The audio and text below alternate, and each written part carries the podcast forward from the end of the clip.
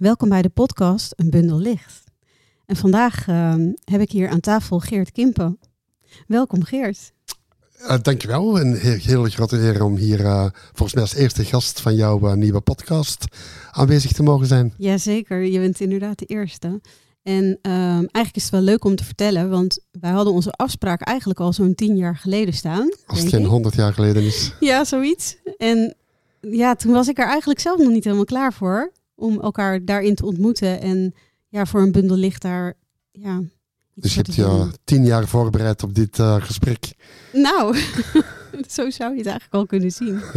ja, ja, dat is wel mooi. En um, ja, Geert, de reden waarom ik je destijds vroeg was omdat ik wat boeken van je had gelezen. En uh, ik voelde me daar heel erg door geraakt. Door de diepte, door ja, ergens ook iets van waarheidsvinding, wat ik dacht te lezen of dacht te voelen of dacht te ervaren. En, en dat vond ik zo mooi. En, en waarom mij dat zo raakt, is omdat ik van jongs af aan ook altijd zo met waarheidsvinding bezig ben. En um, ik weet nog dat ik als kind in de bibliotheek stond en het liefste naar de romans liep. En eigenlijk ergens ook een drang voelde om naar informatieboeken te gaan, maar dacht, ja, maar is het wel waar wat er in die boeken staat? Dus dat daar een soort van twijfel was van hoe, hoe zit dat nou? En wat is nou echt en wat is nou niet echt? Mooi, heel mooi. Ja. Ja, dat is inderdaad zo dat ik wel een roman op een andere manier de waarheid, die bestaat natuurlijk niet, maar een, een waarheid uh, vertelt die dat doorvoerder is, omdat het over mensen gaat. Je, je leeft mee met die mensen, je identificeert je daarmee. Je voelt wat die mensen voelen in het boek. Ja. En dat komt dan dikwijls toch dieper binnen dan dat alleen het hoofd aangesproken wordt uh, bij een non-fictieboek, uh, inderdaad. Weer heel anders is, hè? Ja.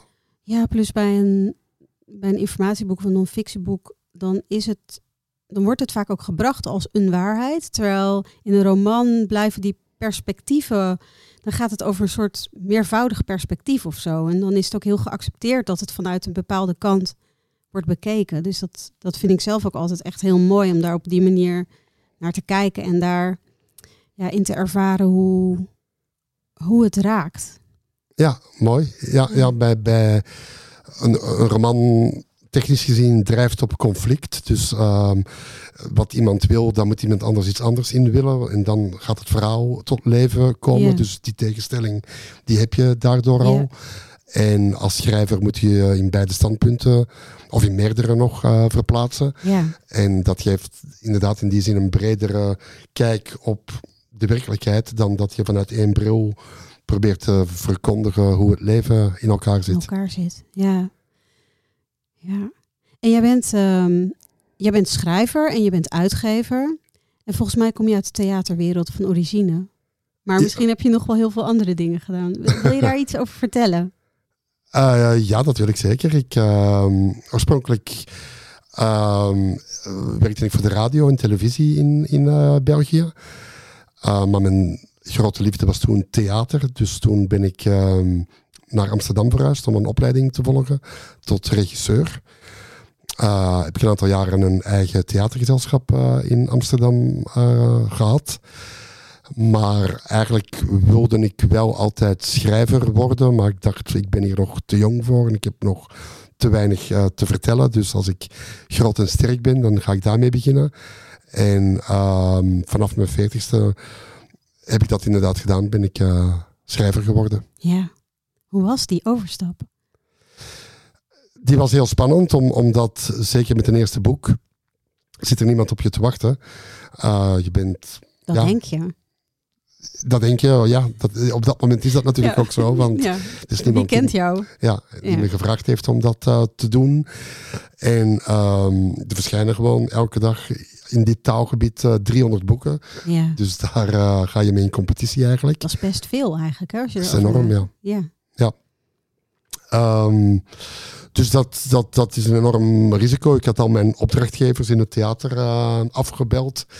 Uh, ik had een aantal opdrachten staan van uh, regieopdrachten die ik zou gaan doen. Yeah. En ik zei, sorry, ik moet een boek schrijven. De kabbalist. Wat? De kapitalist? vroegen ze. ze dachten dat ik gek geworden was, maar ik wist dat ik het moest doen. En ik wist toen nog niet dat het veel langer zou duren dan dat ik dacht dat zoiets zou duren. Ja. Uh, dus ik ben er toen goede 14 maanden fulltime mee bezig uh, geweest. En de bodem van mijn spaarrekening die kwam in zicht. Oh. En um, ja, ik had geen uitgever, dus dat is eventjes um, Russische roulette spelen dan op dat moment. ja. Ja, Ja. wauw. Dat lijkt me ook wel een soort levensveranderend om op die manier al je opdrachtgevers nee te verkopen. En dan vervolgens te gaan schrijven, omdat je voelt dat je moet gaan schrijven. Dus wat er dan, ja, wat heeft jou geleid? Heb, heb je daar een idee van? Is er iets wat jou daarin ja, gestuurd of geleid heeft? Ja, het is sowieso wel een beetje een, een magisch uh, verhaal, uh, hoe, hoe, dat uh, ontstaan is. Mm -hmm. um, ik, je bent aan mijn knoppen aan het draaien, zie ik. Kan ik je beter zien. oh, oké. Okay. Sorry. um, ik, ik, had de drang om überhaupt te gaan schrijven, maar ik had altijd um, iets van, ja, wat moet ik gaan schrijven? Er bestaan al zoveel prachtige boeken in de wereld. Wat zou ik daar in godsnaam aan kunnen toevoegen? En toen zei mijn uh, ex-vrouw uh, tegen mij van, uh, ja, wat een onzin dat jij niet weet waarover je zou moeten schrijven wanneer we hier vrienden op bezoek hebben s'avonds. dan ben je tot een gat in de nacht met hen aan het discussiëren over het leven, wat de zin is van het leven, waarom we hier zijn, Mm. of God bestaat. Al dat soort grote vraagstukken. Uh, ja, ga nu eens in plaats van daar vragen over te stellen, antwoorden zoeken. En dan heb je je boek. Dus ik uh, gehoorzaamde en ik ging achter mijn computer zitten en ik schreef een soort van woedende brief aan God. Waarin ik zei van, uh, God, nu is het afgelopen. Ik wil antwoorden krijgen. Ik wil weten hoe het leven in elkaar zit. Ik wil weten waarom we hier zijn. Ik wil weten of er leven na de dood is. Op al die grote vragen wil ik uh, antwoorden krijgen. En als je me die geeft, dan beloof ik je dat ik daar een boek over zal schrijven. En dan zal ik dat tot en met de podcast van Irani Otti gaan uh, verkondigen. Uh, wat ik uh, ontdekt heb. Ja. En de En volgende daarna? ochtend kreeg ik antwoord van God. Wauw. In de vorm van een mailtje van een Kabbalah-leraar in Amsterdam. Die ik niet kende. Maar die mij uitnodigde om bij hem Kabbalah-les te komen volgen. En toen dacht ik, ja, ik zou wel gek zijn als ik zo'n schreeuw naar God Ja. doe en ik krijg zo'n uitnodiging om daar niet op Om in te gaan. te. Dus toen ben ik die lessen uh, gaan volgen met een groep Joden. Ik was de enige niet-Jood uh, in dat uh, gezelschap. En na een aantal maanden zei die man plomp verloren in de les van er zit hier in de klas iemand die een boek zou moeten schrijven over twee kabbalisten uit de 16e eeuw. Ik weet alleen niet of dat die persoon voldoende lef zou hebben om die taak op zich te nemen en de verantwoordelijkheid die erbij komt om dat te doen. Maar als die dat zou durven, dan weet ik dat dat boek een enorm succes zal worden en in vele talen zal vertaald worden, verfilmd zal worden. Maar ik weet niet of hij dat zal durven. Dus mijn hart ging als een gek tekeer. Ik Wauw. dacht, ah, bedoelt hij mij? Dus ik ging naar de les naar hem toe en ik vroeg, oh rabbi, u zei dat er iemand zo'n boek zou moeten schrijven. Bedoelde nu mij misschien? Hij antwoordde niet. Hij had zo'n raadslachtige rabbi-glimlach om zijn lippen. En dan ging hij in zijn boekentas uh, graaien. Dus ik dacht, ja, het zal wel niet. Maar twee dagen later lag er een brief op de deurmat met uh, tien vouwtjes papier. Met zijn aantekeningen over die twee kabbalisten. En ik las die aantekeningen en ja, toen wist ik van, dit is het. Dit uh, verhaal moet ik gaan vertellen. En toen heb ik inderdaad alles opgegeven om dat te gaan doen. Wat een ontzettend bijzonder verhaal. Echt, ik zit met kippenvel hier. dat is echt mooi. Ja, uh, ja dat, uh, dat voelde als, als onoverkomelijk of onvermijdelijk dat ik dat moest doen. Dus in die zin, achteraf bekeken, is het eigenlijk ook geen lef uh, om al je bruggen op te branden.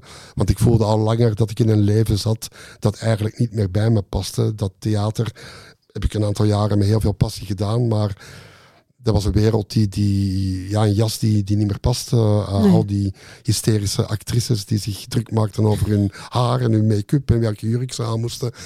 Ik dacht op den duur, het zal me echt worst wezen wat je aantrekt. Uh, dus uh, had ik dat, voor de veiligheid gekozen en in dat theater gebleven, ja, dan was ik gewoon doodongelukkig geworden. Had ik mijn ziel vermoord. Ja. En door dit aan te gaan kwam mijn ziel weer tot leven. Ja, dus dat is een roep van je ziel. Ja. Zo zou je het kunnen zeggen. Ja. Ja, en de wereld waar je uit vandaan komt, zeg maar, de, de theaterwereld was in ieder geval op dat moment veel meer eentje van het materialisme misschien. Wat, wat platter, of, of is dat te plat om te zeggen? Nou ja, theater is natuurlijk altijd ook een, een gezamskunstwerk ja, dat je met een groep mensen maakt, met de schrijver van het toneelstuk, de regisseur, de acteurs, de lichtontwerper, de decorontwerper. Uh, en bij ieder iemand met wie je samenwerkt moet je toch een soort compromis sluiten. Het is nooit 100% wat je in je hoofd hebt, uh, wat het gaat worden. Plus, vaak is het ook vanuit een opdracht dat je iets bepaald moet maken, terwijl je zelf misschien iets anders veel liever wil maken. En dat ging gewoon op den duur wreken. En ik dacht van, ik moet mijn verhaal vertellen en roekzichtloos en zonder compromissen. En ehm, dit, dit, ik, ik, ik kon dat ehm, compromissen sluiten eigenlijk niet meer eh, aan. Zowel met ehm, de mensen met wie ik werkte, met de opdrachtgevers, als met mijn eigen ziel. Eigenlijk de belangrijkste compromis die ik maakte, dat ik opdrachten deed inderdaad, om ook uiteraard geld te verdienen. Ehm, en dat ik dacht van dit klopt gewoon niet meer. Nee, nee. Mooi. En ook mooi dat je, dat je daar dan ook echt antwoord op kan geven door, door daarin je pad te volgen. Of in ieder geval de roep te volgen die er is. Ja, dat, dat maakte het makkelijker. En, en de aanleiding was eigenlijk ook de geboorte van mijn dochter, uh, Zonneke. Uh, toen ik haar uh, op kerstnacht is zij geboren. Ehm, Wat een bijzondere dag ja. ook. in mijn armen hield voor het eerst als, als vader en in haar oogjes keek. toen dacht ik van, wauw, wat een eer en een verantwoordelijkheid dat ik dit meisje mag gaan helpen om haar stem te vinden en te helpen ontdekken waarvoor zij hier op deze planeet gekomen is. Maar toen realiseerde ik me op hetzelfde moment van help, ik doe dat zelf eigenlijk niet meer waarvoor ik op deze planeet uh, gekomen ben. Ik ben zelf me ontzettend aan het verloochenen eigenlijk. Dus als ik, wanneer ze 19 is, wat ze inmiddels is, uh, ga zeggen van Zonneke, je moet je hart volgen, je moet je eigen legende leven. Dan gaat zij tegen mij zeggen van ja, jij dan pa. Je zit uh, elke dag naar dat theater met uitgedofte ogen te rijden. Uh, je zakt uh, s'avonds neer als een uitgezakte zak aardappelen. Dus waarom zou ik mijn hart gaan volgen? Ja. Dus toen dacht ik van als ik haar dat ooit wil meegeven, dan zou ik het nu moeten voorleven. Voorleven. Mooi. Ja. ja. Hey, en wat zijn voor jou nog meer belangrijke keerpunten in jouw leven geweest? Of hele belangrijke momenten die je zou willen delen? Uh, ja, uh, goh, dat zijn er best, best veel, denk ik. Um, um, nou, een, een, ander keerpunt is, is mijn echtscheiding bijvoorbeeld uh, geweest. Dat is voor mij heel ingrijpend geweest. omdat samen met mijn ex-vrouw en mijn dochter ja, waren wij een soort van drie-eenheid die ook alles samen ondernamen. De reizen, de lezingen, alles deden we eigenlijk met elkaar. Met elkaar. Dus toen dat uh, uit elkaar viel, was dat behoorlijk uh, zuur. En alsof ik zelf ook uit elkaar viel, want je wordt een soort van symbiose. Yeah.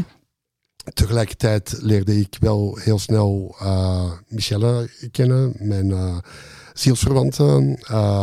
dat, wat ook heel ingrijpend was, omdat ik er op dat moment ook niet ten volle kon zijn voor haar. Ik zat nog in heel die rouwfase van yeah. uh, een afscheid nemen van, van een lange periode. Yeah. En zij was stapel verliefd en dan, ja, haar hart stond wagenwijd open, terwijl ik verscheurd was tussen yeah. die twee uh, werelden. Dus dat was best uh, heftig en vormend. Um, en nu terugwerkend heel goed, maar op dat moment zelf natuurlijk niet. Nee, nee. Is, is jouw boek, want ik, heb, ik vertelde je net in ons voorgesprek al dat ik het meisje dat aan de oever verscheen. Is dat dus ook voor een groot deel autobiografisch? Of een stukje? Of, of de inspiratie? Hoe, hoe, Ik hoor hier een soort parallel eigenlijk ook. de, de, wachtende vrouw, die, ja, de ware liefde, de zielsverwant.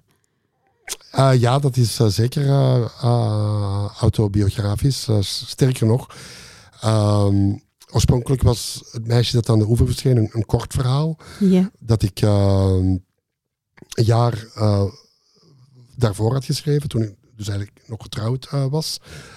Was voor een tijdschrift die me gevraagd had om, om een verhaal te schrijven. En dat ging dus mhm. over een jonge man die in de knop zat met zichzelf, met zijn leven, met zijn seksualiteit, met de levensvragen. En die gehoord had over een tempel van het oosten waar mannen echt man zouden worden en verantwoorden zouden krijgen op alle vragen.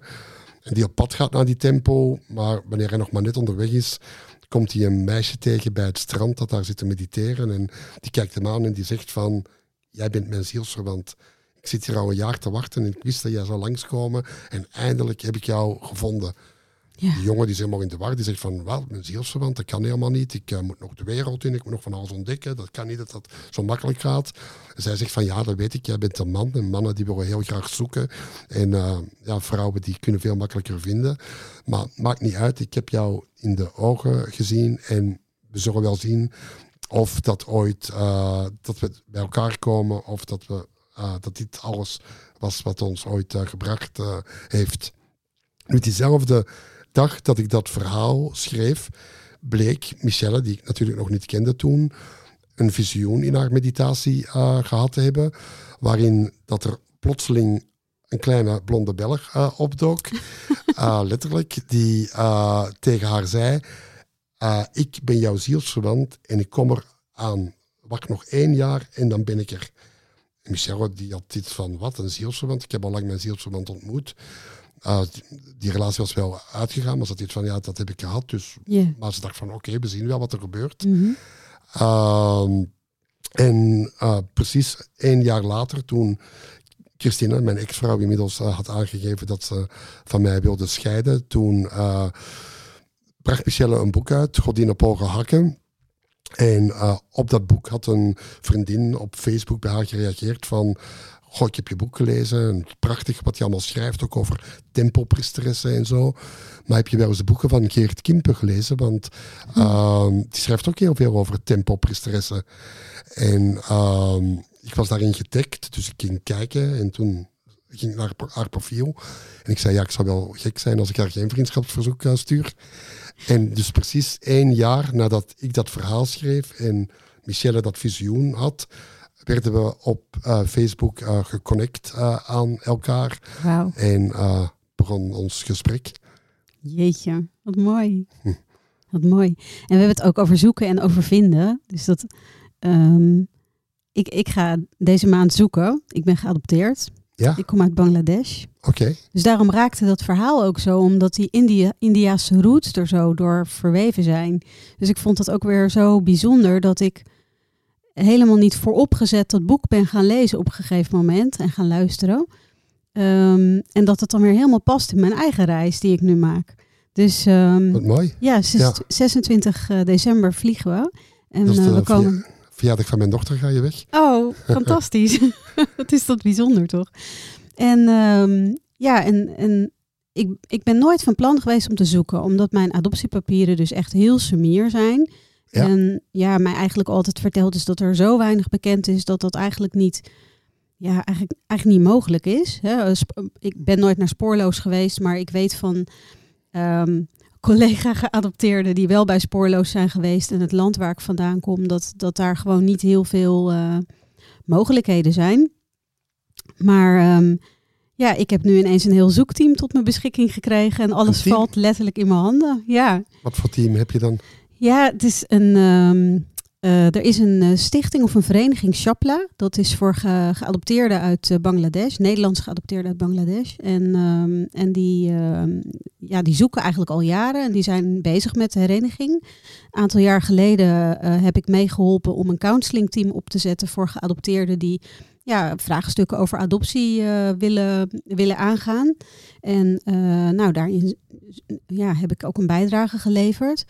En het is nu toevallig zo dat ze net een, uh, een, uh, een aantal mensen hebben opgeleid daar die, uh, die kunnen helpen met het veldwerk. En ehm, ja, dus ik mag daar al gebruik van maken. Wauw. Dus dat is super bijzonder. En de afgelopen paar dagen staan in het teken van het, ja, het bekijken van mijn dossier en welke plekken erin genoemd zijn. En welke namen en hoe we dat dan gaan aanpakken en wat wel handig is en niet handig is. Wow. Dus dat is super bijzonder. Ja, wat dus dat raakt me dan ook weer zo dat dan het samenvallen van het lezen van jouw boek waarin het ook over zoeken en over vinden gaat. En over geduld hebben. En over ja, ergens ook geleid worden door iets wat groter is dan wij. En ja. Ja. Dus mijn, mijn zoektocht is ook belangrijker dan het vinden zelf. Zo voelt het voor mij. Ja.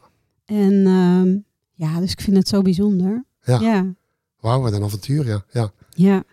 Ja, en je gaat sowieso natuurlijk van alles vinden, ook al vind je niet concreet het antwoord Familie, ja, precies. van wie je bent. Uh, of wat je ouders uh, zijn. Uh, maar je gaat zoveel ontdekken natuurlijk. ja. Dus dat is fantastisch om dat aan te gaan. Ja, ja, zeker. Hey, en even terug weer naar jouw levensveranderende momenten. Um, zijn er belangrijke leermeesters voor jou geweest? Ja, zeker. en hoe vind je die? Hoe heb je die gevonden? Of hoe, hoe hebben zij jou gevonden? Nou, bijvoorbeeld die Kabbalah-leraar is natuurlijk een belangrijke ja. uh, meester uh, geweest. Ja. Um, en die heeft mij gevonden, die heeft mij gemaild. Uh, dus dat is wonderlijk dat hij op een of andere manier dacht dat hij mij moest uitnodigen om zijn leerling te worden. Dat is ook bijzonder. Ja, en um, ja, het, het, dat heeft ook nog een, een flinke staart gekregen, zou je kunnen zeggen. Want op een bepaald moment had ik mijn eerste versie geschreven van uh, de Kabbalist. En um, dat had ik hem toegestuurd omdat ik benieuwd was naar zijn feedback. En ik ging toen naar Israël om verdere research te doen voor uh, mijn boek. Um, maar toen ik terugkwam, een maand later, toen lag er weer een pakje op mijn deurmat. En dat was mijn eigen boek dat hij uh, in mijn afwezigheid had uitgegeven onder zijn eigen naam. Oh. Um, dat hij op 5000 exemplaren had laten drukken. En uh, waarin hij alleen één pagina had geschreven, het uh, dankwoord. En daarin zei hij van, ik betuig heel veel dank aan mijn uh, toegewijde leerling Geert Kimpen voor de taalkundige adviezen.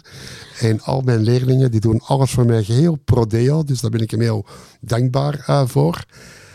En dat was natuurlijk hallucinant dat uh, mijn eigen leraar me een ja, dolk in mijn rug had gestoken in mijn beleving. Dus ik belde hem uiteraard op. Ik zei van, Rabbi, hoe, hoe, hoe, hoe kun je dit maken? Hoe kun je dit uh, verantwoorden aan, aan, aan, jezelf? En hij zei, nee Geert, uh, ik heb dit boek uh, ook geschreven.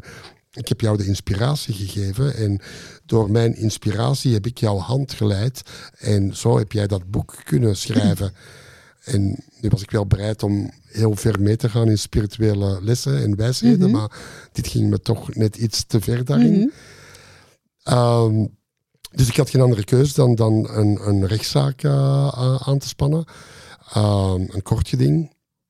En uh, op de dag van het kortgeding belde zijn advocaat de mijne op en hij zei van oké, de rabbi heeft er nog eens over nagedacht en hij vindt nog steeds volgens de spirituele wetten van de Kabbalah dat uh, het zijn boek is, maar hij snapt dat de wetten van het Nederlandse recht net iets anders zijn. Dus hij is bereid om um, je boek terug te geven. En hij zal die 5000 uh, boeken laten vernietigen. Uh, dus op dat moment kreeg ik weliswaar mijn boek terug, maar ook een wrang gevoel natuurlijk. Dat ik dacht van, hé, klopt dit nog? En wil ik dit überhaupt nog? En, en um, tot ik een nieuwe Kabbalah-leraar ont, ontmoette, een nieuwe meester zou je kunnen zeggen die ik dit verhaal vertelde. En toen begon hij heel hard te lachen en die zei van... En jij wilt een boek over de Kabbalah schrijven en, en, jij vertelt me dit verhaal. Dan heb je er echt helemaal nog niks van begrepen. En hij vertelde mij mijn eigen verhaal opnieuw, maar ditmaal vanuit het standpunt van de rabbi. En hij zei, je moet weten, die rabbi die heeft net als jij zijn hele leven de droom gehad om een boek uh, te schrijven. Mm. En sterker nog, hij had een fantastisch idee om een boek te schrijven. En dat idee, dat heeft hij zomaar aan jou gegeven. En hij heeft niet alleen dat idee aan jou gegeven, hij heeft jou zijn inspiratie gegeven, hij heeft jou zijn geloof gegeven, je zelfvertrouwen gegeven, dat je alles durfde op te geven om dat te gaan schrijven. En nu ga jij zeggen dat de rabbi jou belazerd heeft. En dat was een ontzettend belangrijke les natuurlijk. Hij zei van, ja. bij alles wat je overkomt, moet je altijd eens in de schoenen van de ander gaan staan. En dan wordt het verhaal meteen een heel ander verhaal. En hij zei, maar uh, dat neemt niet weg dat jij hebt het schrijftalent en hij niet. Dus maak het best mogelijke boek dat je uh, kan schrijven. En in ruil uh, maak van al je opbrengsten 10% aan de rabbi mm. over. En dat heb ik inderdaad ook zo gedaan. En, en um, ja, dat was uh, dat maakte het, het kosmische evenwicht weer, uh, weer in orde eigenlijk. Dat is eigenlijk wel heel mooi wat je zegt.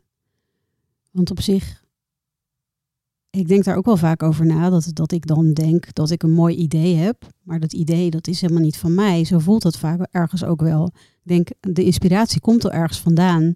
En waar die dan precies hangt, of waar die dan vliegt, of waar die dan is, dat weet ik niet.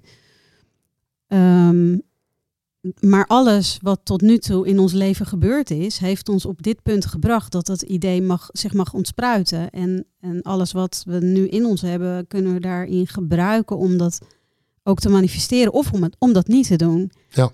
Dus het is eigenlijk wel heel erg mooi, hoewel ook een hele pijnlijke les kan ik me voorstellen.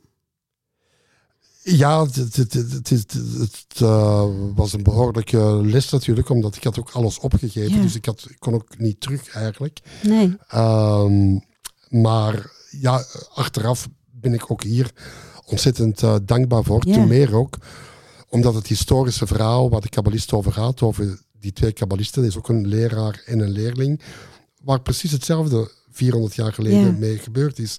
Dus eigenlijk kreeg ik mijn boek in mijn eigen leven helemaal weerspiegeld wat me in staat stelde om het boek nog veel beter te schrijven, om, omdat ik het zelf had meegemaakt. Het ja, omdat je het zelf doorleeft. Ja, ja. precies, ja. ja. En eigenlijk is het dan een soort parallelproces, wat je dan, wat je dan omschrijft, waardoor je nog weer een ander soort diepgang erin aan kan brengen. Ja, en dat is iets wat ik zelf wel vaker echt uh, ondervonden heb dat schrijven heeft creatiekracht in zich. Um, um, wat, wat, wat je schrijft is, is gevaarlijk, want dat overkomt je vaak ook. Ja. Uh, dus je moet ook uh, heel goed uh, uitkijken Passen wat, je, wat je schrijft. manifesteert. Ja. Ja. ja. ja, want ja, wat je zegt, creatiekracht, dat is het hè? Ja, ja. Het is een, een, een ander soort taal dan de verbale taal, waarin dat je ja, snel en daardoor ook vaak soms slordiger dingen formuleert. Maar wanneer je schrijft, lijkt het alsof je uit een diepere laag put. Een, een, wat andere mensen bijvoorbeeld bij mediteren uh, ondervinden. Voor mij is schrijven een vorm van mediteren eigenlijk. Um, waardoor um, die woorden een, een andere lading, een andere energie uh, in zich uh, dragen. Ja. En dus ook een, een, een manifesterende energie uh, in zich hebben als, als je vanuit die diepere laag en inspiratie durft te schrijven. Ja. Hey, en hoe heb je de, jij noemt het Kabbalah, hè? zo spreek je het uit, denk ik. Ik, ik ben heel slecht in dat soort uh, woordaccenten, dus het zal nee. net zo goed Kabbalah. Ja, dat weet ik ook Volgens mij is het officieel Kabbalah uh, ja. trouwens, maar ik zeg altijd Kabbalah. Ja, ik, ik weet het ook echt niet. En, maar, maar hoe heb je, heb je dat stuk meegenomen in jouw leven? Jouw leer en uh, ja, wat je daarin hebt opgehaald? Hoe, hoe speelt het nog een rol in je leven? Nou, dat soort levenswijsheden die soms heel simpel zijn, zoals verplaats je in de schoenen van een ander. Uh, ja, dat, die draag ik met me mee. Die, die zijn een stuk van mijn yeah. uh, zelf uh, geworden. en ja, de Kabbalah is echt een, een juwelenkist van prachtige inzichten op elk mogelijk gebied. dus daar ben ik nog steeds, daar hou ik nog steeds van. En die draag ik met, met me mee. Ik, ik heb mezelf nooit een kabbalist genoemd, want dat zijn mensen die echt in niks anders doen dan in de Torah uh, bestuderen en de Zohar. En, en yeah. dat, dat, dat, ja, daar tip ik niet eens aan hun enkels uh, qua kennis en wijsheid. Dus, uh, maar ik, ben een, ik noem mezelf altijd een Kabbalah-minnaar. Ik, ik, ik hou ervan. Maar ik hou net zozeer ook van de wijsheid van het Hindoeïsme of... Um, van, van de gnostiek, waar ik nu dan met Maria Magdalena mee bezig ben. Uh, al die mystieke wijsheden zijn vaak ook in essentie hetzelfde, alleen in een ander cultureel eh, jasje. En ehm, ja, daar hou ik ontzettend van. Mooi. Hey, en als je al die stromingen nou naast elkaar legt, wat jij ervan kent in ieder geval, merk je dan dat het allemaal verbonden is in dezelfde bron? Of is dat, is dat niet zo? Ik denk het wel. Eh, hoe dat dan ooit ontstaan is of en versnipperd is geraakt, dat weet ik niet. Maar volgens mij zijn het echt de universele wijsheden van het universum, eh, zeg maar. Ja. Uh, die dat mensen op een of andere manier tot zich gekregen hebben. En door de cultuur waarin ze leefden, werd dat bij de ene Shiva en Shakti en uh, al die hele Yeah. godden imperium. En bij de Joden werd dat uh, Yahweh en de Shekinah. En bij, bij de christenen werd het Maria Magdalena en Jezus. En, maar in wezen vertellen ze op een andere manier bijna hetzelfde. Ja, mooi. Ja.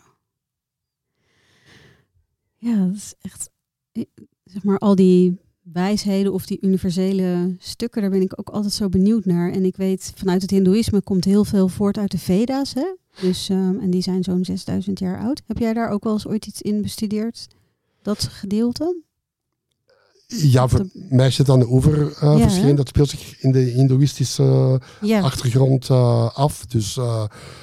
En dat zijn ook prachtige uh, verhalen allemaal uh, met, met hele diepe wijsheden yeah. in en, en prachtige personages uh, in. Dus daar heb ik me ontzettend aan gelaafd. Om, om, en het mooie aan het hindoeïsme vind ik ook die, die zinnelijkheid. het is ook heel menselijk en, en, en, en erotisch en, Yeah. en, en ehm, ja, vurig en, en ja, vind ik prachtig. Ja, en dat is ook wel iets waar ik ik vaak over, nou ja, nadenken is dan ook weer zo'n groot woord, maar um, ik, ik doe veel met systemische werkvormen, interventies, als we het hebben over uh, therapeutische interventies en dat soort dingen. Dus we doen ook heel veel met lichaamswerk. En dan merken we altijd dat we hier in het Westen gewoon eigenlijk soms wel eens ja, los van ons lijf zijn op een bepaalde manier. Ja. En mijn indruk is dat het in het oosten heel anders is. Dus dat dat lichaam veel meer meedoet in, in, het, in het leven. Zit, is dat dan ook eigenlijk dus terug te vinden in die minnelijkheid die jij beschrijft in het hindoeïsme? Ja, alleen hm. tegenwoordig bijna niet meer in India bijvoorbeeld. Omdat um, India is, is ongeveer 400 jaar geleden geloof ik uh, gekoloniseerd door de islam. Uh, ja. En die hebben toen eigenlijk die hele uh, zinnelijke cultuur verboden. Uh, letterlijk bijvoorbeeld in die tempel van het oosten, die bestaat ook echt. Dat zijn de tempels van Kayuharo uh, in, in um, India. En dat, zijn vier, dat waren 64 tempels die van boven tot onder vol staan met erotisch beeldhouwwerk. In alle mogelijke standjes die je maar kunt bedenken, staan daar op een prachtige manier af, afgebeeld.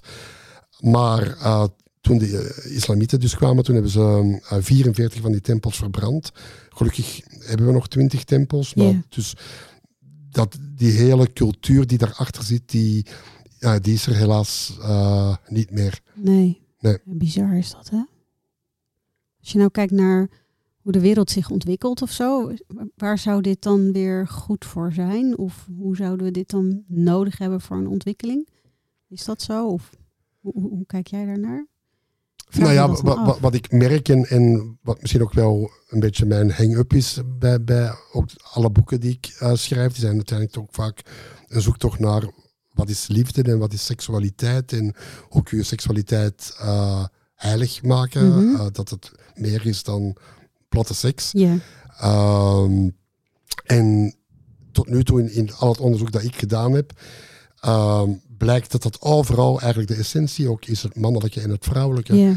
Uh, in, in het hindoeïsme heel uh, uitgesproken, maar ook in het jodendom met uh, de Shekinah, de vrouwelijke kant van God, en, en Yahweh, die ook een kosmisch, op elke vrijdagavond, dat is nu dus, uh, de liefde met elkaar bedrijven. En de kabbalisten die bedrijven zelf ook op Shabbat uh, elke vrijdagavond de liefde, zoals de god en de godin, om, om die energie uh, in, in ja, om de levensenergie op te halen eigenlijk. Ja, Ja, Ja. Of te verbinden met de levensenergie. Ja, precies, ja. ja. Ja, Ja. en ik, ik heb als klein meisje heb ik, eh, veel in de kerk gezeten. En wij ehm, eh, waren Nederlands hervormd. Dus wij gingen naar een Nederlands hervormde kerk. Ik moet zeggen dat daar toch erg weinig is blijven hangen in mijn hoofd over liefde en seksualiteit. weinig, ofwel misschien wel niks. Ja, misschien naast de liefde, dat woord kwam nog wel voor. Ja. maar dat mocht volgens mij ook niet al te veel en niet al te heftig zijn. Nou ja, naast de liefde is het natuurlijk wel mooi, maar dat is een hele andere kwaliteit. Ja, eh, dat is inderdaad. meer de barmhar- barmhartigheid ten opzichte van elkaar. Of de, de, ja, de compassie. Of de, ja, maar, maar dat hele seksuele stuk heb ik daar eigenlijk nooit zo in, in kunnen ja, ehm, ontdekken. Dan heb je mijn boek nog niet gelezen natuurlijk, eh, over Maria Magdalena. Nee, nee, daar ben ik dus echt heel benieuwd naar. Maar zou je kunnen stellen dat er dus ook wel heel veel verloren is gegaan in de geloofsbeoefening op dat vlak? Absoluut, ja. Ja, ja. ja tot op de dag van vandaag. eh, en en ja, dat, dat is het spannende onderzoek waar ik op dit moment eh, in zit. Met het schrijven van het boek van Maria Magdalena. ehm, ben ik echt op zoek gegaan naar dat oerchristendom. en naar de oerbronnen eh, daarvan. En ehm, dan blijkt dat ook daar weer eh, een prachtige seksuele filosofie te vinden is. Ehm, waarvan we snippers nog hebben in teksten die dat beschrijven. Ehm, maar dat is inderdaad eh, vernietigd, platgeslagen. In het christendom is überhaupt natuurlijk het vrouwelijke eh, bijna... een beetje uitgegumd of zo. Ja, Ja. ja. dat was veel te eng, de vrouwen. Ja. Eh, dus dat, ehm, ja, Ja, want, want wat ik er dan van. Ik heb, mijn, ik heb niet zoveel onderzoek gedaan als jij, maar ik, ik weet wel van Lilith bijvoorbeeld, hè, dat, dat, dat dat de oervrouw is die eigenlijk ook uit alle boeken verdwenen is. Ja. Of uit veel boeken, in ieder geval uit de traditionele eh, christelijke boeken verdwenen is. Terwijl zij ja, toch echt ook wel een hele grote rol speelt en gespeeld heeft. zeker. Ja, ja, ja in, in de Kabbalah is ze wel aanwezig, maar dat is dus eigenlijk met al die... ehm, je hebt eigenlijk de, de traditionele eh, publieke stromingen, zou je kunnen zeggen. De islam en de christendom en het jodendom en het hindoeïsme. eh, waarbij je een soort van, eh, eh, moet je dat zeggen, buitenkant leer hebt. Ja. En dat is wat jij in de hervormde kerk bijvoorbeeld bij Ja. het christendom leerde. Maar al die geloven, die hebben allemaal een mystieke leer ook. En dat was de ingewijde leer, Ja. die dat maar voor een select clubje was. En die mondeling dikwijls werd doorgegeven. En ja, daar zitten de schatten in, in mijn idee. En daar zitten, uh, zit Lilith bijvoorbeeld ook heel duidelijk. uh, de, de, de eerste vrouw van, van Adam. Van Adam. Een ontzettende oerkracht van vrouwelijkheid. eh, heel eh, seksueel, sterk. eh, en, en het verhaal gaat dat zij met vrije altijd eh, op Adam wilde zitten. En dat hij dat niet aankon met zijn ego. Dat hij zat van, jeetje, wat is dat voor vrouw? Ja. En God smeekte van, alsjeblieft, haal die vrouw weer weg. Want ik weet niet wat ik ermee aan moet. En toen heeft God Lilith verbannen. Uit het en- paradijs. Ja. Ah, ja, en, en eh, Eva geschonken omdat die hanteerbaarder eh, was. ja. Dus dat zijn ja, prachtige verhalen met, met heel veel ehm, ja, diepgang en, en achtergrond natuurlijk. Ja. Ja. Ja. Vandaag de dag hoor je natuurlijk ook wel regelmatig over dat mannen ook voelen dat ze eigenlijk helemaal geen man meer mogen zijn. Dus dat er, ja, dat er ook in het masculine en het feminine gewoon heel veel verschuivingen zijn geweest, waardoor ja, het mannelijke en het vrouwelijke bijna een soort gelijk, gelijk moet zijn of zo. Ja. Waardoor we eigenlijk zowel als man als vrouw en als vrouw niet helemaal zijn wat we, wat we van oorsprong zijn. Dus we worden een beetje weggehaald uit de oorsprong. Of we laten ons daarin in ieder geval. Wat, Ja, wat mooi, zouden we daar ja. nou in kunnen? Wat hebben we daarin te doen? Nou ja, het is natuurlijk. Vrouwen zijn natuurlijk gewoon weg, zeker in, in dit werelddeel dan, eh, bijna 2000 jaar onderdrukt. En, en vrouwelijke seksualiteit mocht er niet zijn. En vrouw, in dit land, zelfs kon 50, 60 jaar geleden, kon jij niet stemmen. Nee, precies. Uh, ging je niet naar school. Uh, Nee. Als je trouwde, was je al je rechten kwijt, werd je ontslagen. Ja. Kon je aan het aanrichten. Mijn moeder die moest eh, toen ze een kind wilde adopteren echt stoppen met werken. Ja, ja, En Dat ja. is dan eh, nou nog geen 50 jaar geleden, maar dan ja, dat is dan echt nog maar kort geleden eigenlijk. Ja. Dus, ja, dat, dat vergeten we soms, van, omdat dat het allemaal zo vanzelfsprekend is nu, maar zo recent is, Is het die eigenlijk? emancipatiegolf eigenlijk. En jullie vrouwen hebben dus een enorme sprong eh, gemaakt eh, sinds de jaren 60 tot en met nu. Dat is dus ja, een goede 70 jaar eh, in totaal. Waarin dat jullie enorm ontwikkeld zijn, ontzettend veel verworven hebben. Jullie zelf ongelooflijk ontwikkeld hebben. Maar wij mannen eh, zijn daar niet in meegegaan. Nee. Wij zijn een beetje verbluft aan de zijkant gaan staan van holy shit. wat, eh, Wat gebeurt hier? ja, wat bezielt die vrouwen allemaal? Ja. In het begin was dat nog leuk met de jaren 60, de vrije seks. Ja. Hadden mannen iets van, oh, nou, daar zijn we ook wel voor. Totdat eh, dat toch allemaal andere consequenties had die mannen niet voorzien hadden. En ik heb het gevoel dat nu pas mannen aan het wakker worden zijn van heel veel vrouwen hebben nog iets van ja, als ik mijn leuke leven opgeef voor een, of wil delen met een man, dan zal het wel een hele leuke man moeten, Moeten zijn, zijn. Want ik heb het eigenlijk prima voor elkaar. Ik heb voor niks echt praktisch gezien een man nodig. Nee. Tenzij dat hij echt een meerwaarde aan mijn leven eh, geeft. Ehm, en dus mannen zullen wel, als ze een vrouw willen, en dat willen nu eenmaal de meeste mannen, eh, ontzettend met zichzelf aan de slag moeten gaan. eh, om, omdat ja, vrouwen gewoon zo krachtig eh, geworden zijn. En dat is de disbalans die er natuurlijk ontstaan is, waar we allebei last van hebben. Want ja, vrouwen vinden het desondanks denk ik nog wel steeds leuk om gewoon een leuke ontwikkelde man naast zich te hebben. Uh, en mannen vinden het leuk om een leuke vrouw naast zich te hebben. Maar als ze dat willen, ja, zullen ze uh, in, met zichzelf aan de slag moeten. Ja. En, Het gaat niet vanzelf. nee, precies, ja. Er is echt iets voor nodig, diepgaand zelfonderzoek eigenlijk. Ja. En, ja. en jezelf aankijken, ook op de minder leuke stukken. Ja, ja. Ja. Zou je kunnen stellen dat mannen eigenlijk dus nu in een soort fase van een existentiële angst terechtgekomen zijn? Of daar nog net niet in zitten misschien, maar zou dat een, ja... Niet alle mannen, ik denk dat er ook mannen zijn die het nog Die steeds niet, geheel ontgaat. Die staan nog aan de zijlijn. Ja. geen flauw benul hebben wat er aan de hand Nee. is. Uh, maar ja, Maar voor welke mannen geldt het wel? Nou, in mijn bubbel, maar dat is natuurlijk maar een beperkt deel van de werkelijkheid, uh, Mhm. merk ik hoeveel mannengroepen dat er ontstaan, mannenfestivals, uh, mannen die bij elkaar komen. En ja, dat zijn allemaal mannen die op een bepaald moment hebben van, ik weet niet wat er aan de hand is, ik heb andere mannen even nodig om te sparren, om, om, om te delen. Wat jullie al 70 jaar uh, doen in vrouwenclubjes en vrouwengroepen Ja. en vrouwenpraathuizen, weet ik veel wat allemaal. Dat in mijn bubbel ja, zie ik nu de ene mannengroep naar de andere uh, verrijzen. ja, Dus dat zijn, ja, zou je kunnen zeggen, de, de wakkere, wakker geworden mannen. mannen. Ja, Ja. mannen die met eh, zelfontwikkeling bezig zijn geweest en merken, hé, hey, ehm, er ontbreekt iets in mijn leven. Ja, dat, ik vertelde je net al dat ik veel dus met systemisch doe. En binnen de systemische eh, ja, wetten zou je kunnen zeggen dat ehm, eh, als een man echt wil thuiskomen bij zichzelf, dan zal die moeten leren rusten bij andere mannen. Ja. En voor vrouwen geldt dat ook. Die moeten leren rusten bij vrouwen. Ja. En ja, als je kijkt naar hoe dat bij vrouwen soms ook echt wel lastig kan zijn. Vrouwen doen natuurlijk wel vaak clubjes hebben, maar dat is voor de laatste jaren is dat ook wel minder geweest. Dus het individualisme heeft daar ook wel gespeeld. En ervoor gezorgd dat vrouwen ja, elkaar misschien toch minder ontmoeten dan dat ze voorheen deden.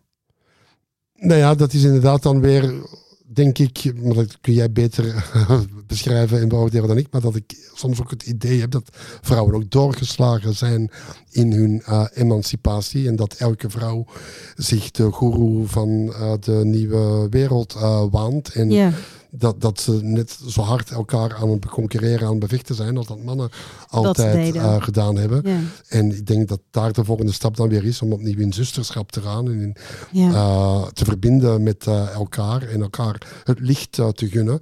En dan precies dat. gebeuren er prachtige dingen natuurlijk. Maar dat is waarschijnlijk ook ja, weer een stap in de ontwikkeling die dan bij vrouwen nog, voor een aantal vrouwen nog nog gemaakt weer moet te doen worden. zijn. Ja, ja. Ja, en, en eh, ehm, in het christendom heb, heb je ook de, de dark eh, night of the soul, zeg maar. Het, het, donkere, ja, de- ja, donkere gebied van, van de ziel of de donkere nacht van de ziel. Ben, ben jij daar ook mee bekend met, met die term? En Uh, ik, uiteraard ken ik die term, Ja. maar ik, ik vraag me af uh, wat je precies bedoelt vanuit Ja. het christendom daarin. Eh, nou, volgens mij heeft Johannes van het Kruis, die heeft het boek ooit geschreven en de term in ieder geval eh, geïntroduceerd. En, en het gaat echt over de diepe existentiële crisissen die we als mens, zeg maar, meemaken in ons leven. Ehm, ja, ik denk ook om als mogelijkheid om weer tot zelfontwikkeling te komen. Mhm. Dus, dus ja, hoe, hoe ken jij het zelf? Of hoe, hoe ken je het in je naaste omgeving? Of een stukje hebben we natuurlijk al wel over gehad, maar Ja. Nou ja, ik, ik, ik denk dat een ziel geregeld in een mensenleven in een existentiële crisis eh, terechtkomt. Dat dat niet eh, één donkere nacht is, maar een Meerdere. reeks van nachten. ja. en dan wordt het weer even licht en dan heb je weer het idee dat het weer stroomt en loopt Dat- tot je ja. tegen het volgende eh, aanbotst. Ehm, maar dat is heel goed ook natuurlijk. Ja, Want het, het, het, het maakt je los van je overtuigingen, het maakt je los van je verworven zekerheden, van alles waar we als mens geneigd zijn om ons aan vast te klampen. ja, Ehm, zowel eh, in jezelf, eh, materieel, je huis, je werk, eh, je relatie, je kind, kinderen, alles wat, wat, je als verworvenheden beschouwt, dat je dan iedere keer erachter komt dat er geen verworvenheden zijn. nee. En dat je ze misschien moet loslaten of moet herformuleren of heruitvinden. Uh, of dat ze transformeren en dat je zelf moet transformeren. Ehm, en dat, ja, wij mensen veranderen natuurlijk niet graag. Wij, iedere keer dat we een beetje op het droge zijn, denken we van, hé, hey, ik hoop dat het zo blijft. Uh, maar vanaf dat het zo blijft en dat we ons settelen in tevredenheid, zijn we eigenlijk ehm, dood onder de levenden. Dan is onze ziel uh, dood. Dus de donkere nacht van de ziel is in mijn beleving uh, iedere keer een hergeboorte van je ziel. En ja, geboren worden is niet leuk. Dat is voor Nee. een vrouw die leven geeft uh, niet leuk, pijnlijk. Maar ook voor een babytje dat er doorheen moet. uh, is dat ook een hele pretje, ingrijpende Ja, exercitie, zullen we maar Ja. zeggen. Ja. Ja. ja, dat is niet voor niets. Nee. Dat wordt ook altijd gezegd ehm, als je eh, in de natuur bijvoorbeeld rupsen uit hun kokon ziet komen, dat je ze absoluut niet mag, eh, mag helpen als, als ze al hun eh, stadium bereikt hebben van vlinder. Want Oh. dat moeten ze echt zelf doen. wauw. Je mag ze niet helpen. Je moet, ze moeten het echt zelf doen. Want anders dan ontnemen ze op een bepaalde manier ook iets van hun eigen proces. Dus dat vind ik Ja, kracht heel... waarschijnlijk. De weerstand om ergens doorheen te breken. Ja. Ja. dat is ook met een ei geloof ik inderdaad. Zo, Ja, met dat, kuikens en zo. ja, Ja. dat hij dan ook niet dan moet gaan lospulken van ik zal je er even Ja, uit hoe zou dat dan bij mensen zijn? Ja, wij moeten denk ik zelf er ook eh, doorheen. En dat is de existentiële eenzaamheid natuurlijk ook. Ja, Uh, dat je toch in die nacht altijd alleen bent. Uh, ja, Ook al heb je mensen die van je houden, die je omringen. Uh, dat stukje moet je altijd zelf doorheen. Daar kan niemand je echt bij helpen. Een inzicht moet je altijd zelf verwerven. Kan iemand ontzettend wijze dingen tegen je zeggen. ja, Maar als dat niet integreert, als dat niet valt, als dat niet doorleefd wordt bij jezelf, dan is het uh, boekenwijsheid en geen verworven uh, wijsheid. En dat is pijnlijk, ja. Ja. En verdrietig. ja, en ook wel mooi om je te realiseren hoe dat, hoe dat gaat. Nou ja, het is zoals de allergrootste reis die we natuurlijk ook moeten maken wanneer we weer uit het leven weer weggaan. Ja, Ja, dan als je geluk hebt, houdt er iemand je hand vast. En ja, word je misschien omringd door een paar mensen die, die van je houden, maar toch zul je alleen moeten gaan. ja. Ja, ik heb, ehm, eh, ik denk dat het iets meer dan een jaar geleden is. Anderhalf jaar geleden, denk ik. ehm, was ik een opleiding rouw en ritueel aan het afronden. En eh, op de middag, zondagmiddag dat we de opleiding afgerond hadden, eh, stap ik naar buiten en zie ik een sms van mijn lief. Ehm, het gaat niet goed met mijn moeder. Die woonde in Duitsland. Ehm, ja, dus, dus precies na de afronding van een studie of een opleiding rouw en ritueel eh, zaten we nog geen ja, 15 uur later aan het sterfbed van mijn schoonmoeder. Oeh, ja. En ehm, ja, we hebben dat met elkaar ontzettend mooi ook zo kunnen beleven. Hoe verdrietig het natuurlijk ook is dat je ja, iemand in dit leven loslaat. Ja. En we hebben haar heel mooi ook toestemming kunnen geven om te gaan. En haar kunnen bedanken voor alles wat ze heeft, eh, heeft gegeven. Ja. Ehm, en het moment dat wij die woorden uitspraken van dank en de woorden uitspraken van dat het oké was om te gaan en de toestemming gaven om te gaan, kon je ook gewoon ja, aan de monitoren allemaal zien hoe, hoe ze haar lichaam ging verlaten.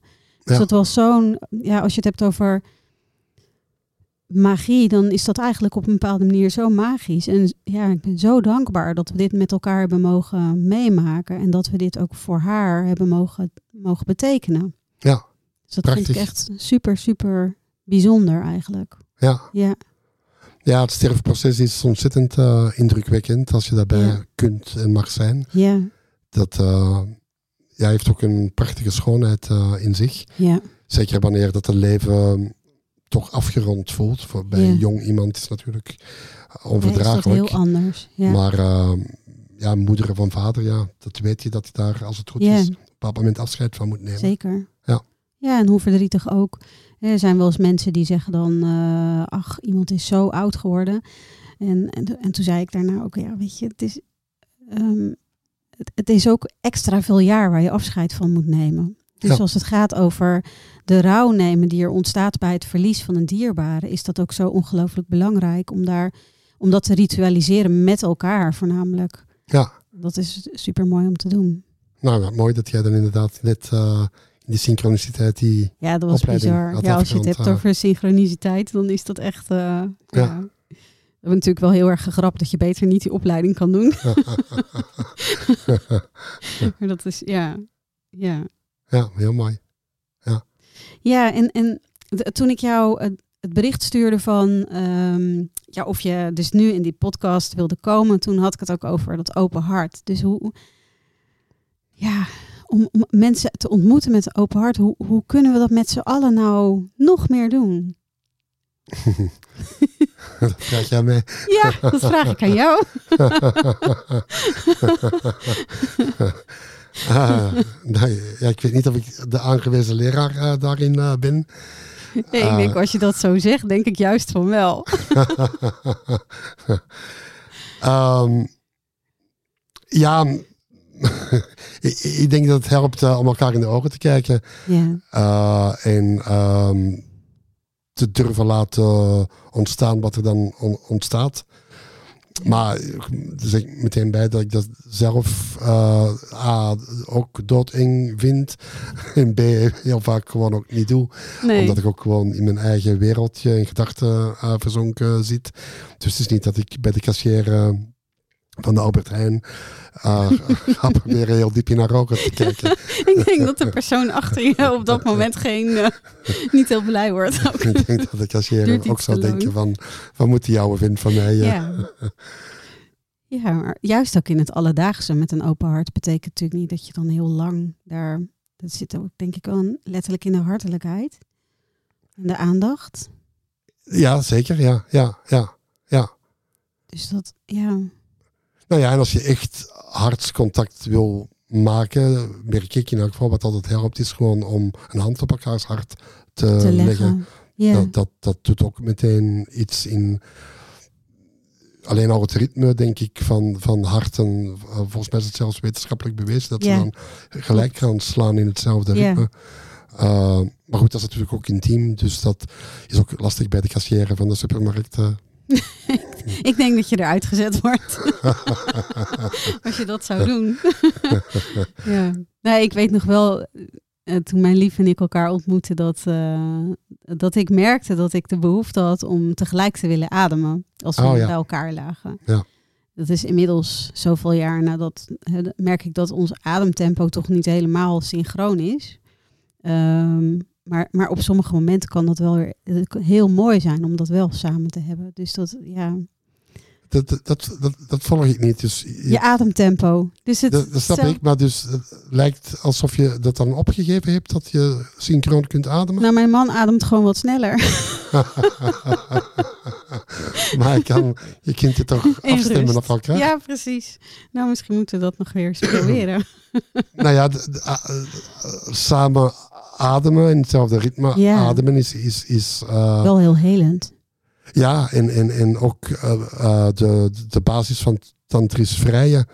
Eh, dus als, als, als je inderdaad die tijd neemt om, om dat contact te maken en echt af te stemmen op elkaar, dat je één adem eigenlijk wordt.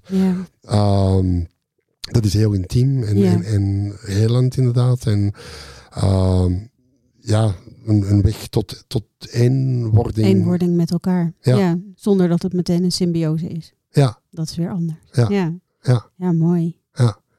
Dus ik zou eh, toch eh, bij deze een oproep aan jouw man willen doen.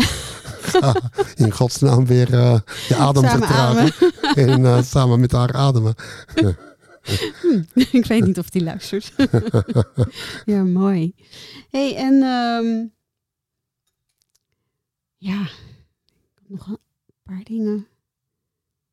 En tegelijkertijd vind ik het ook wel heel mooi, zo onze uitwisseling. Is er voor jou nog iets waar, wat je mij zou willen meegeven? Wat ik jou zou willen meegeven. Nou, Ja. ademen met je man. Ja, Dat wil ik jou vooral meegeven. ja, Ehm, nou ja, ik denk dat het heel belangrijk is eh, dat je naar Bangladesh eh, eh, gaat. ja, Ehm, nou ja, de- de- je, je ziet er natuurlijk erg Bangladesh uit, om het zo te zeggen. Je, Ja. je prachtige sari. En, ehm, dus, maar ik kan me voorstellen, door zo lang hier te wonen, dat je ja, ontzettend natuurlijk de Nederlandse identiteit hebt eh, Ja. eigen gemaakt. Maar in jouw ziel zit natuurlijk een stukje oosten. ja. Eh, misschien wel een heel groot stuk. Ik eh, denk heel groot. ja. Ja, En ongetwijfeld zul je dat hier ook voor een deel eh, ontwikkeld eh, hebben.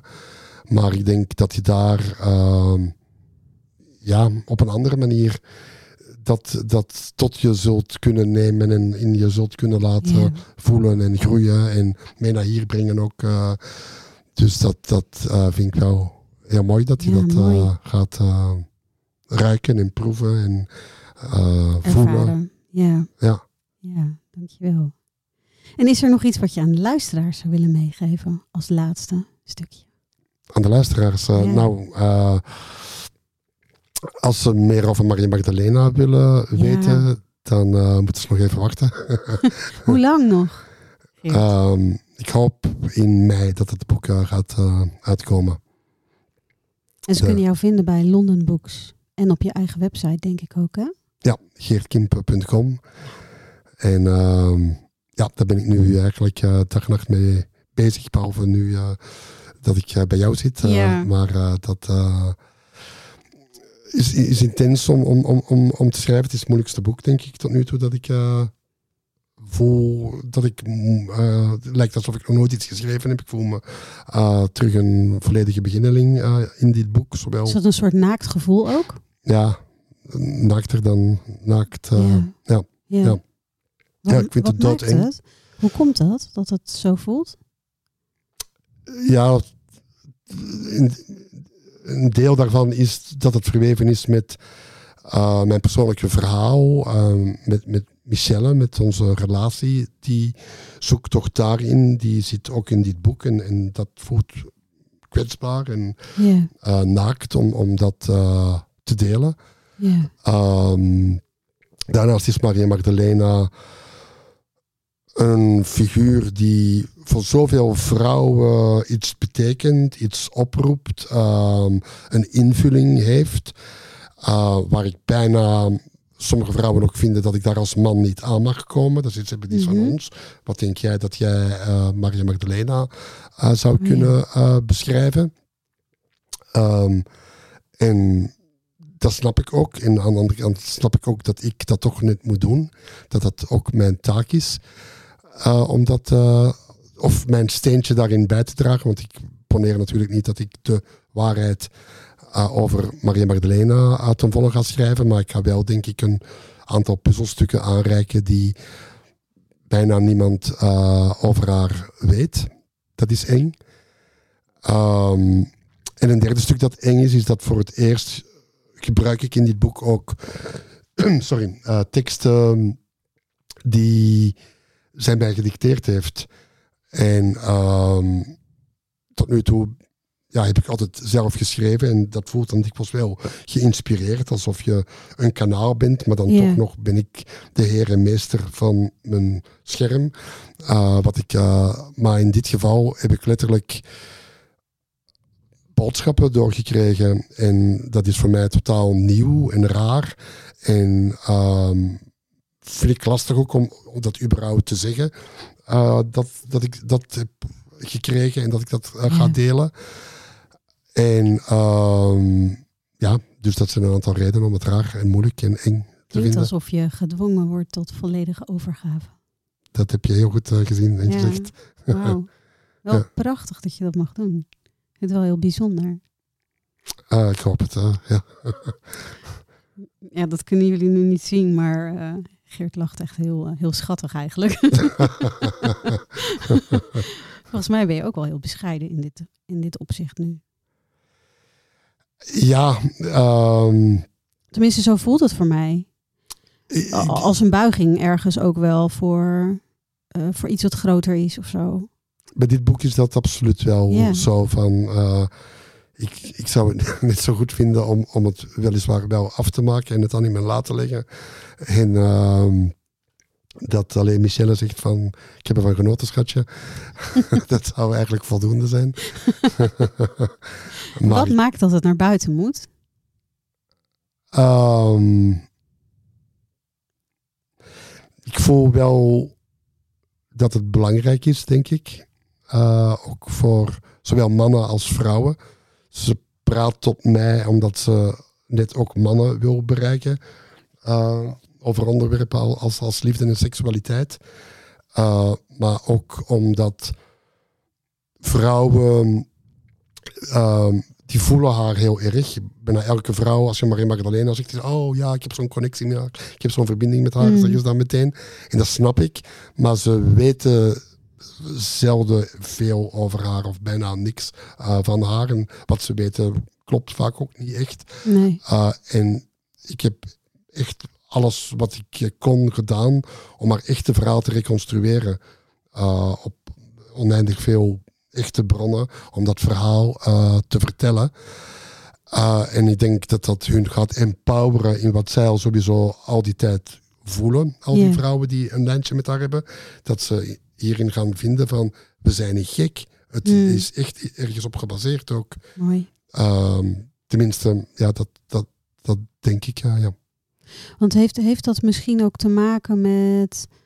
Um, ik ben even aan het zoeken hoor, naar hoe ik dat, die vraag nou kan stellen.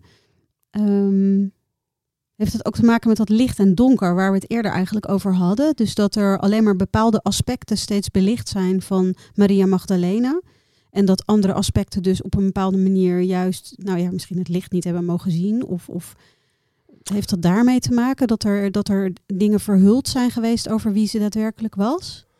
Zeker, ja. Er is zoveel verhuld. Uh, dat is echt onwaarschijnlijk. Uh, ze is echt helemaal tot een voetnoot gemaakt. Uh, in de laatste jaren wordt ze dan lichtelijk geëmancipeerd. Dat, eerst was het dan de, de beste leerling van Jezus, of de beste apostel van Jezus, of de geliefde apostel van, van Jezus.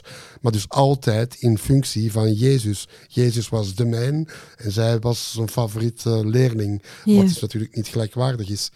En in wat ik ontdekt heb, en ja, zonder verpinken echt durf te beweren, is dat zij naast hem stond. En dat ze een leraar en een lerares waren in volledige uh, gelijkwaardigheid. En dat zij misschien nog wel belangrijkere lessen heeft voor ons mensen dan dat hij had. Uh, en dat eerherstel wil ik haar echt geven in dit boek. Ja, en dat kan dus ook een hele belangrijke maatschappelijke functie hebben.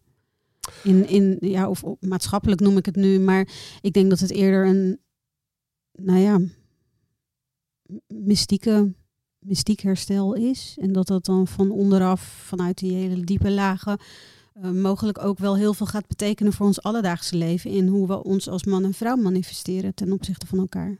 Ja, dat zou prachtig zijn mocht dat eh, daar een steen aan bijdragen. Ja. Ja. inderdaad. eh, ja. Ja. Mooi. Ja. Jeetje, nou. Ehm, volgens mij zag ik vandaag een e-mail van jou voorbij komen over, ehm, over je leven een legende, volgens mij. Dat is Oh het laatste waar ik nog... Wa- Wat laat jij achter? Of wat wil jij, het, wat wil jij als jouw legacy, zeg maar, achterlaten? Goh. ja, dat. dat ehm, in, ja, de eerste plaats natuurlijk mijn dochter. ehm. Dat, dat ehm, hoop ik, of dat weet ik, dat, dat, dat zij haar ding in deze wereld eh, gaat. eh. Volgens mij Eh, doet ze dat al heel erg. Ik volg haar wel. Oh, Dus Oké, ja. leuk. Ja. Ja. Eh, dus dat is natuurlijk je rechtstreeks. DNA en legacy. Mhm. Uh, daarnaast uh, ja, hoop ik dat mijn boeken niet meteen na mijn dood niet meer gelezen worden. Ja. maar dat uh, die nog door nieuwe mensen uh, ontdekt uh, zullen worden. ja. Uh, en hoop ik ja, dat de mensen die me gekend hebben niet al te negatief over me praten als Mm. ik dat ben. Ja, mooi. Dankjewel. Dankjewel voor je komst vandaag. En ja, ik heb erg genoten van ons gesprek en van alle wijsheden die je hebt willen delen met mij en met ons. En um, ik wens je heel veel succes, wijsheid en liefde om je boek uh, af te maken. Dus. Dat is uh, heel uh, lief. En ik ga hem heel snel, ik ga hem gelijk lezen als ik hem, als ik zie dat hij uitgekomen is. Dus. Dat is, dat is heel fijn om te horen. En ik wens jou een prachtige reis, zowel naar Bangladesh als in jezelf. Dankjewel.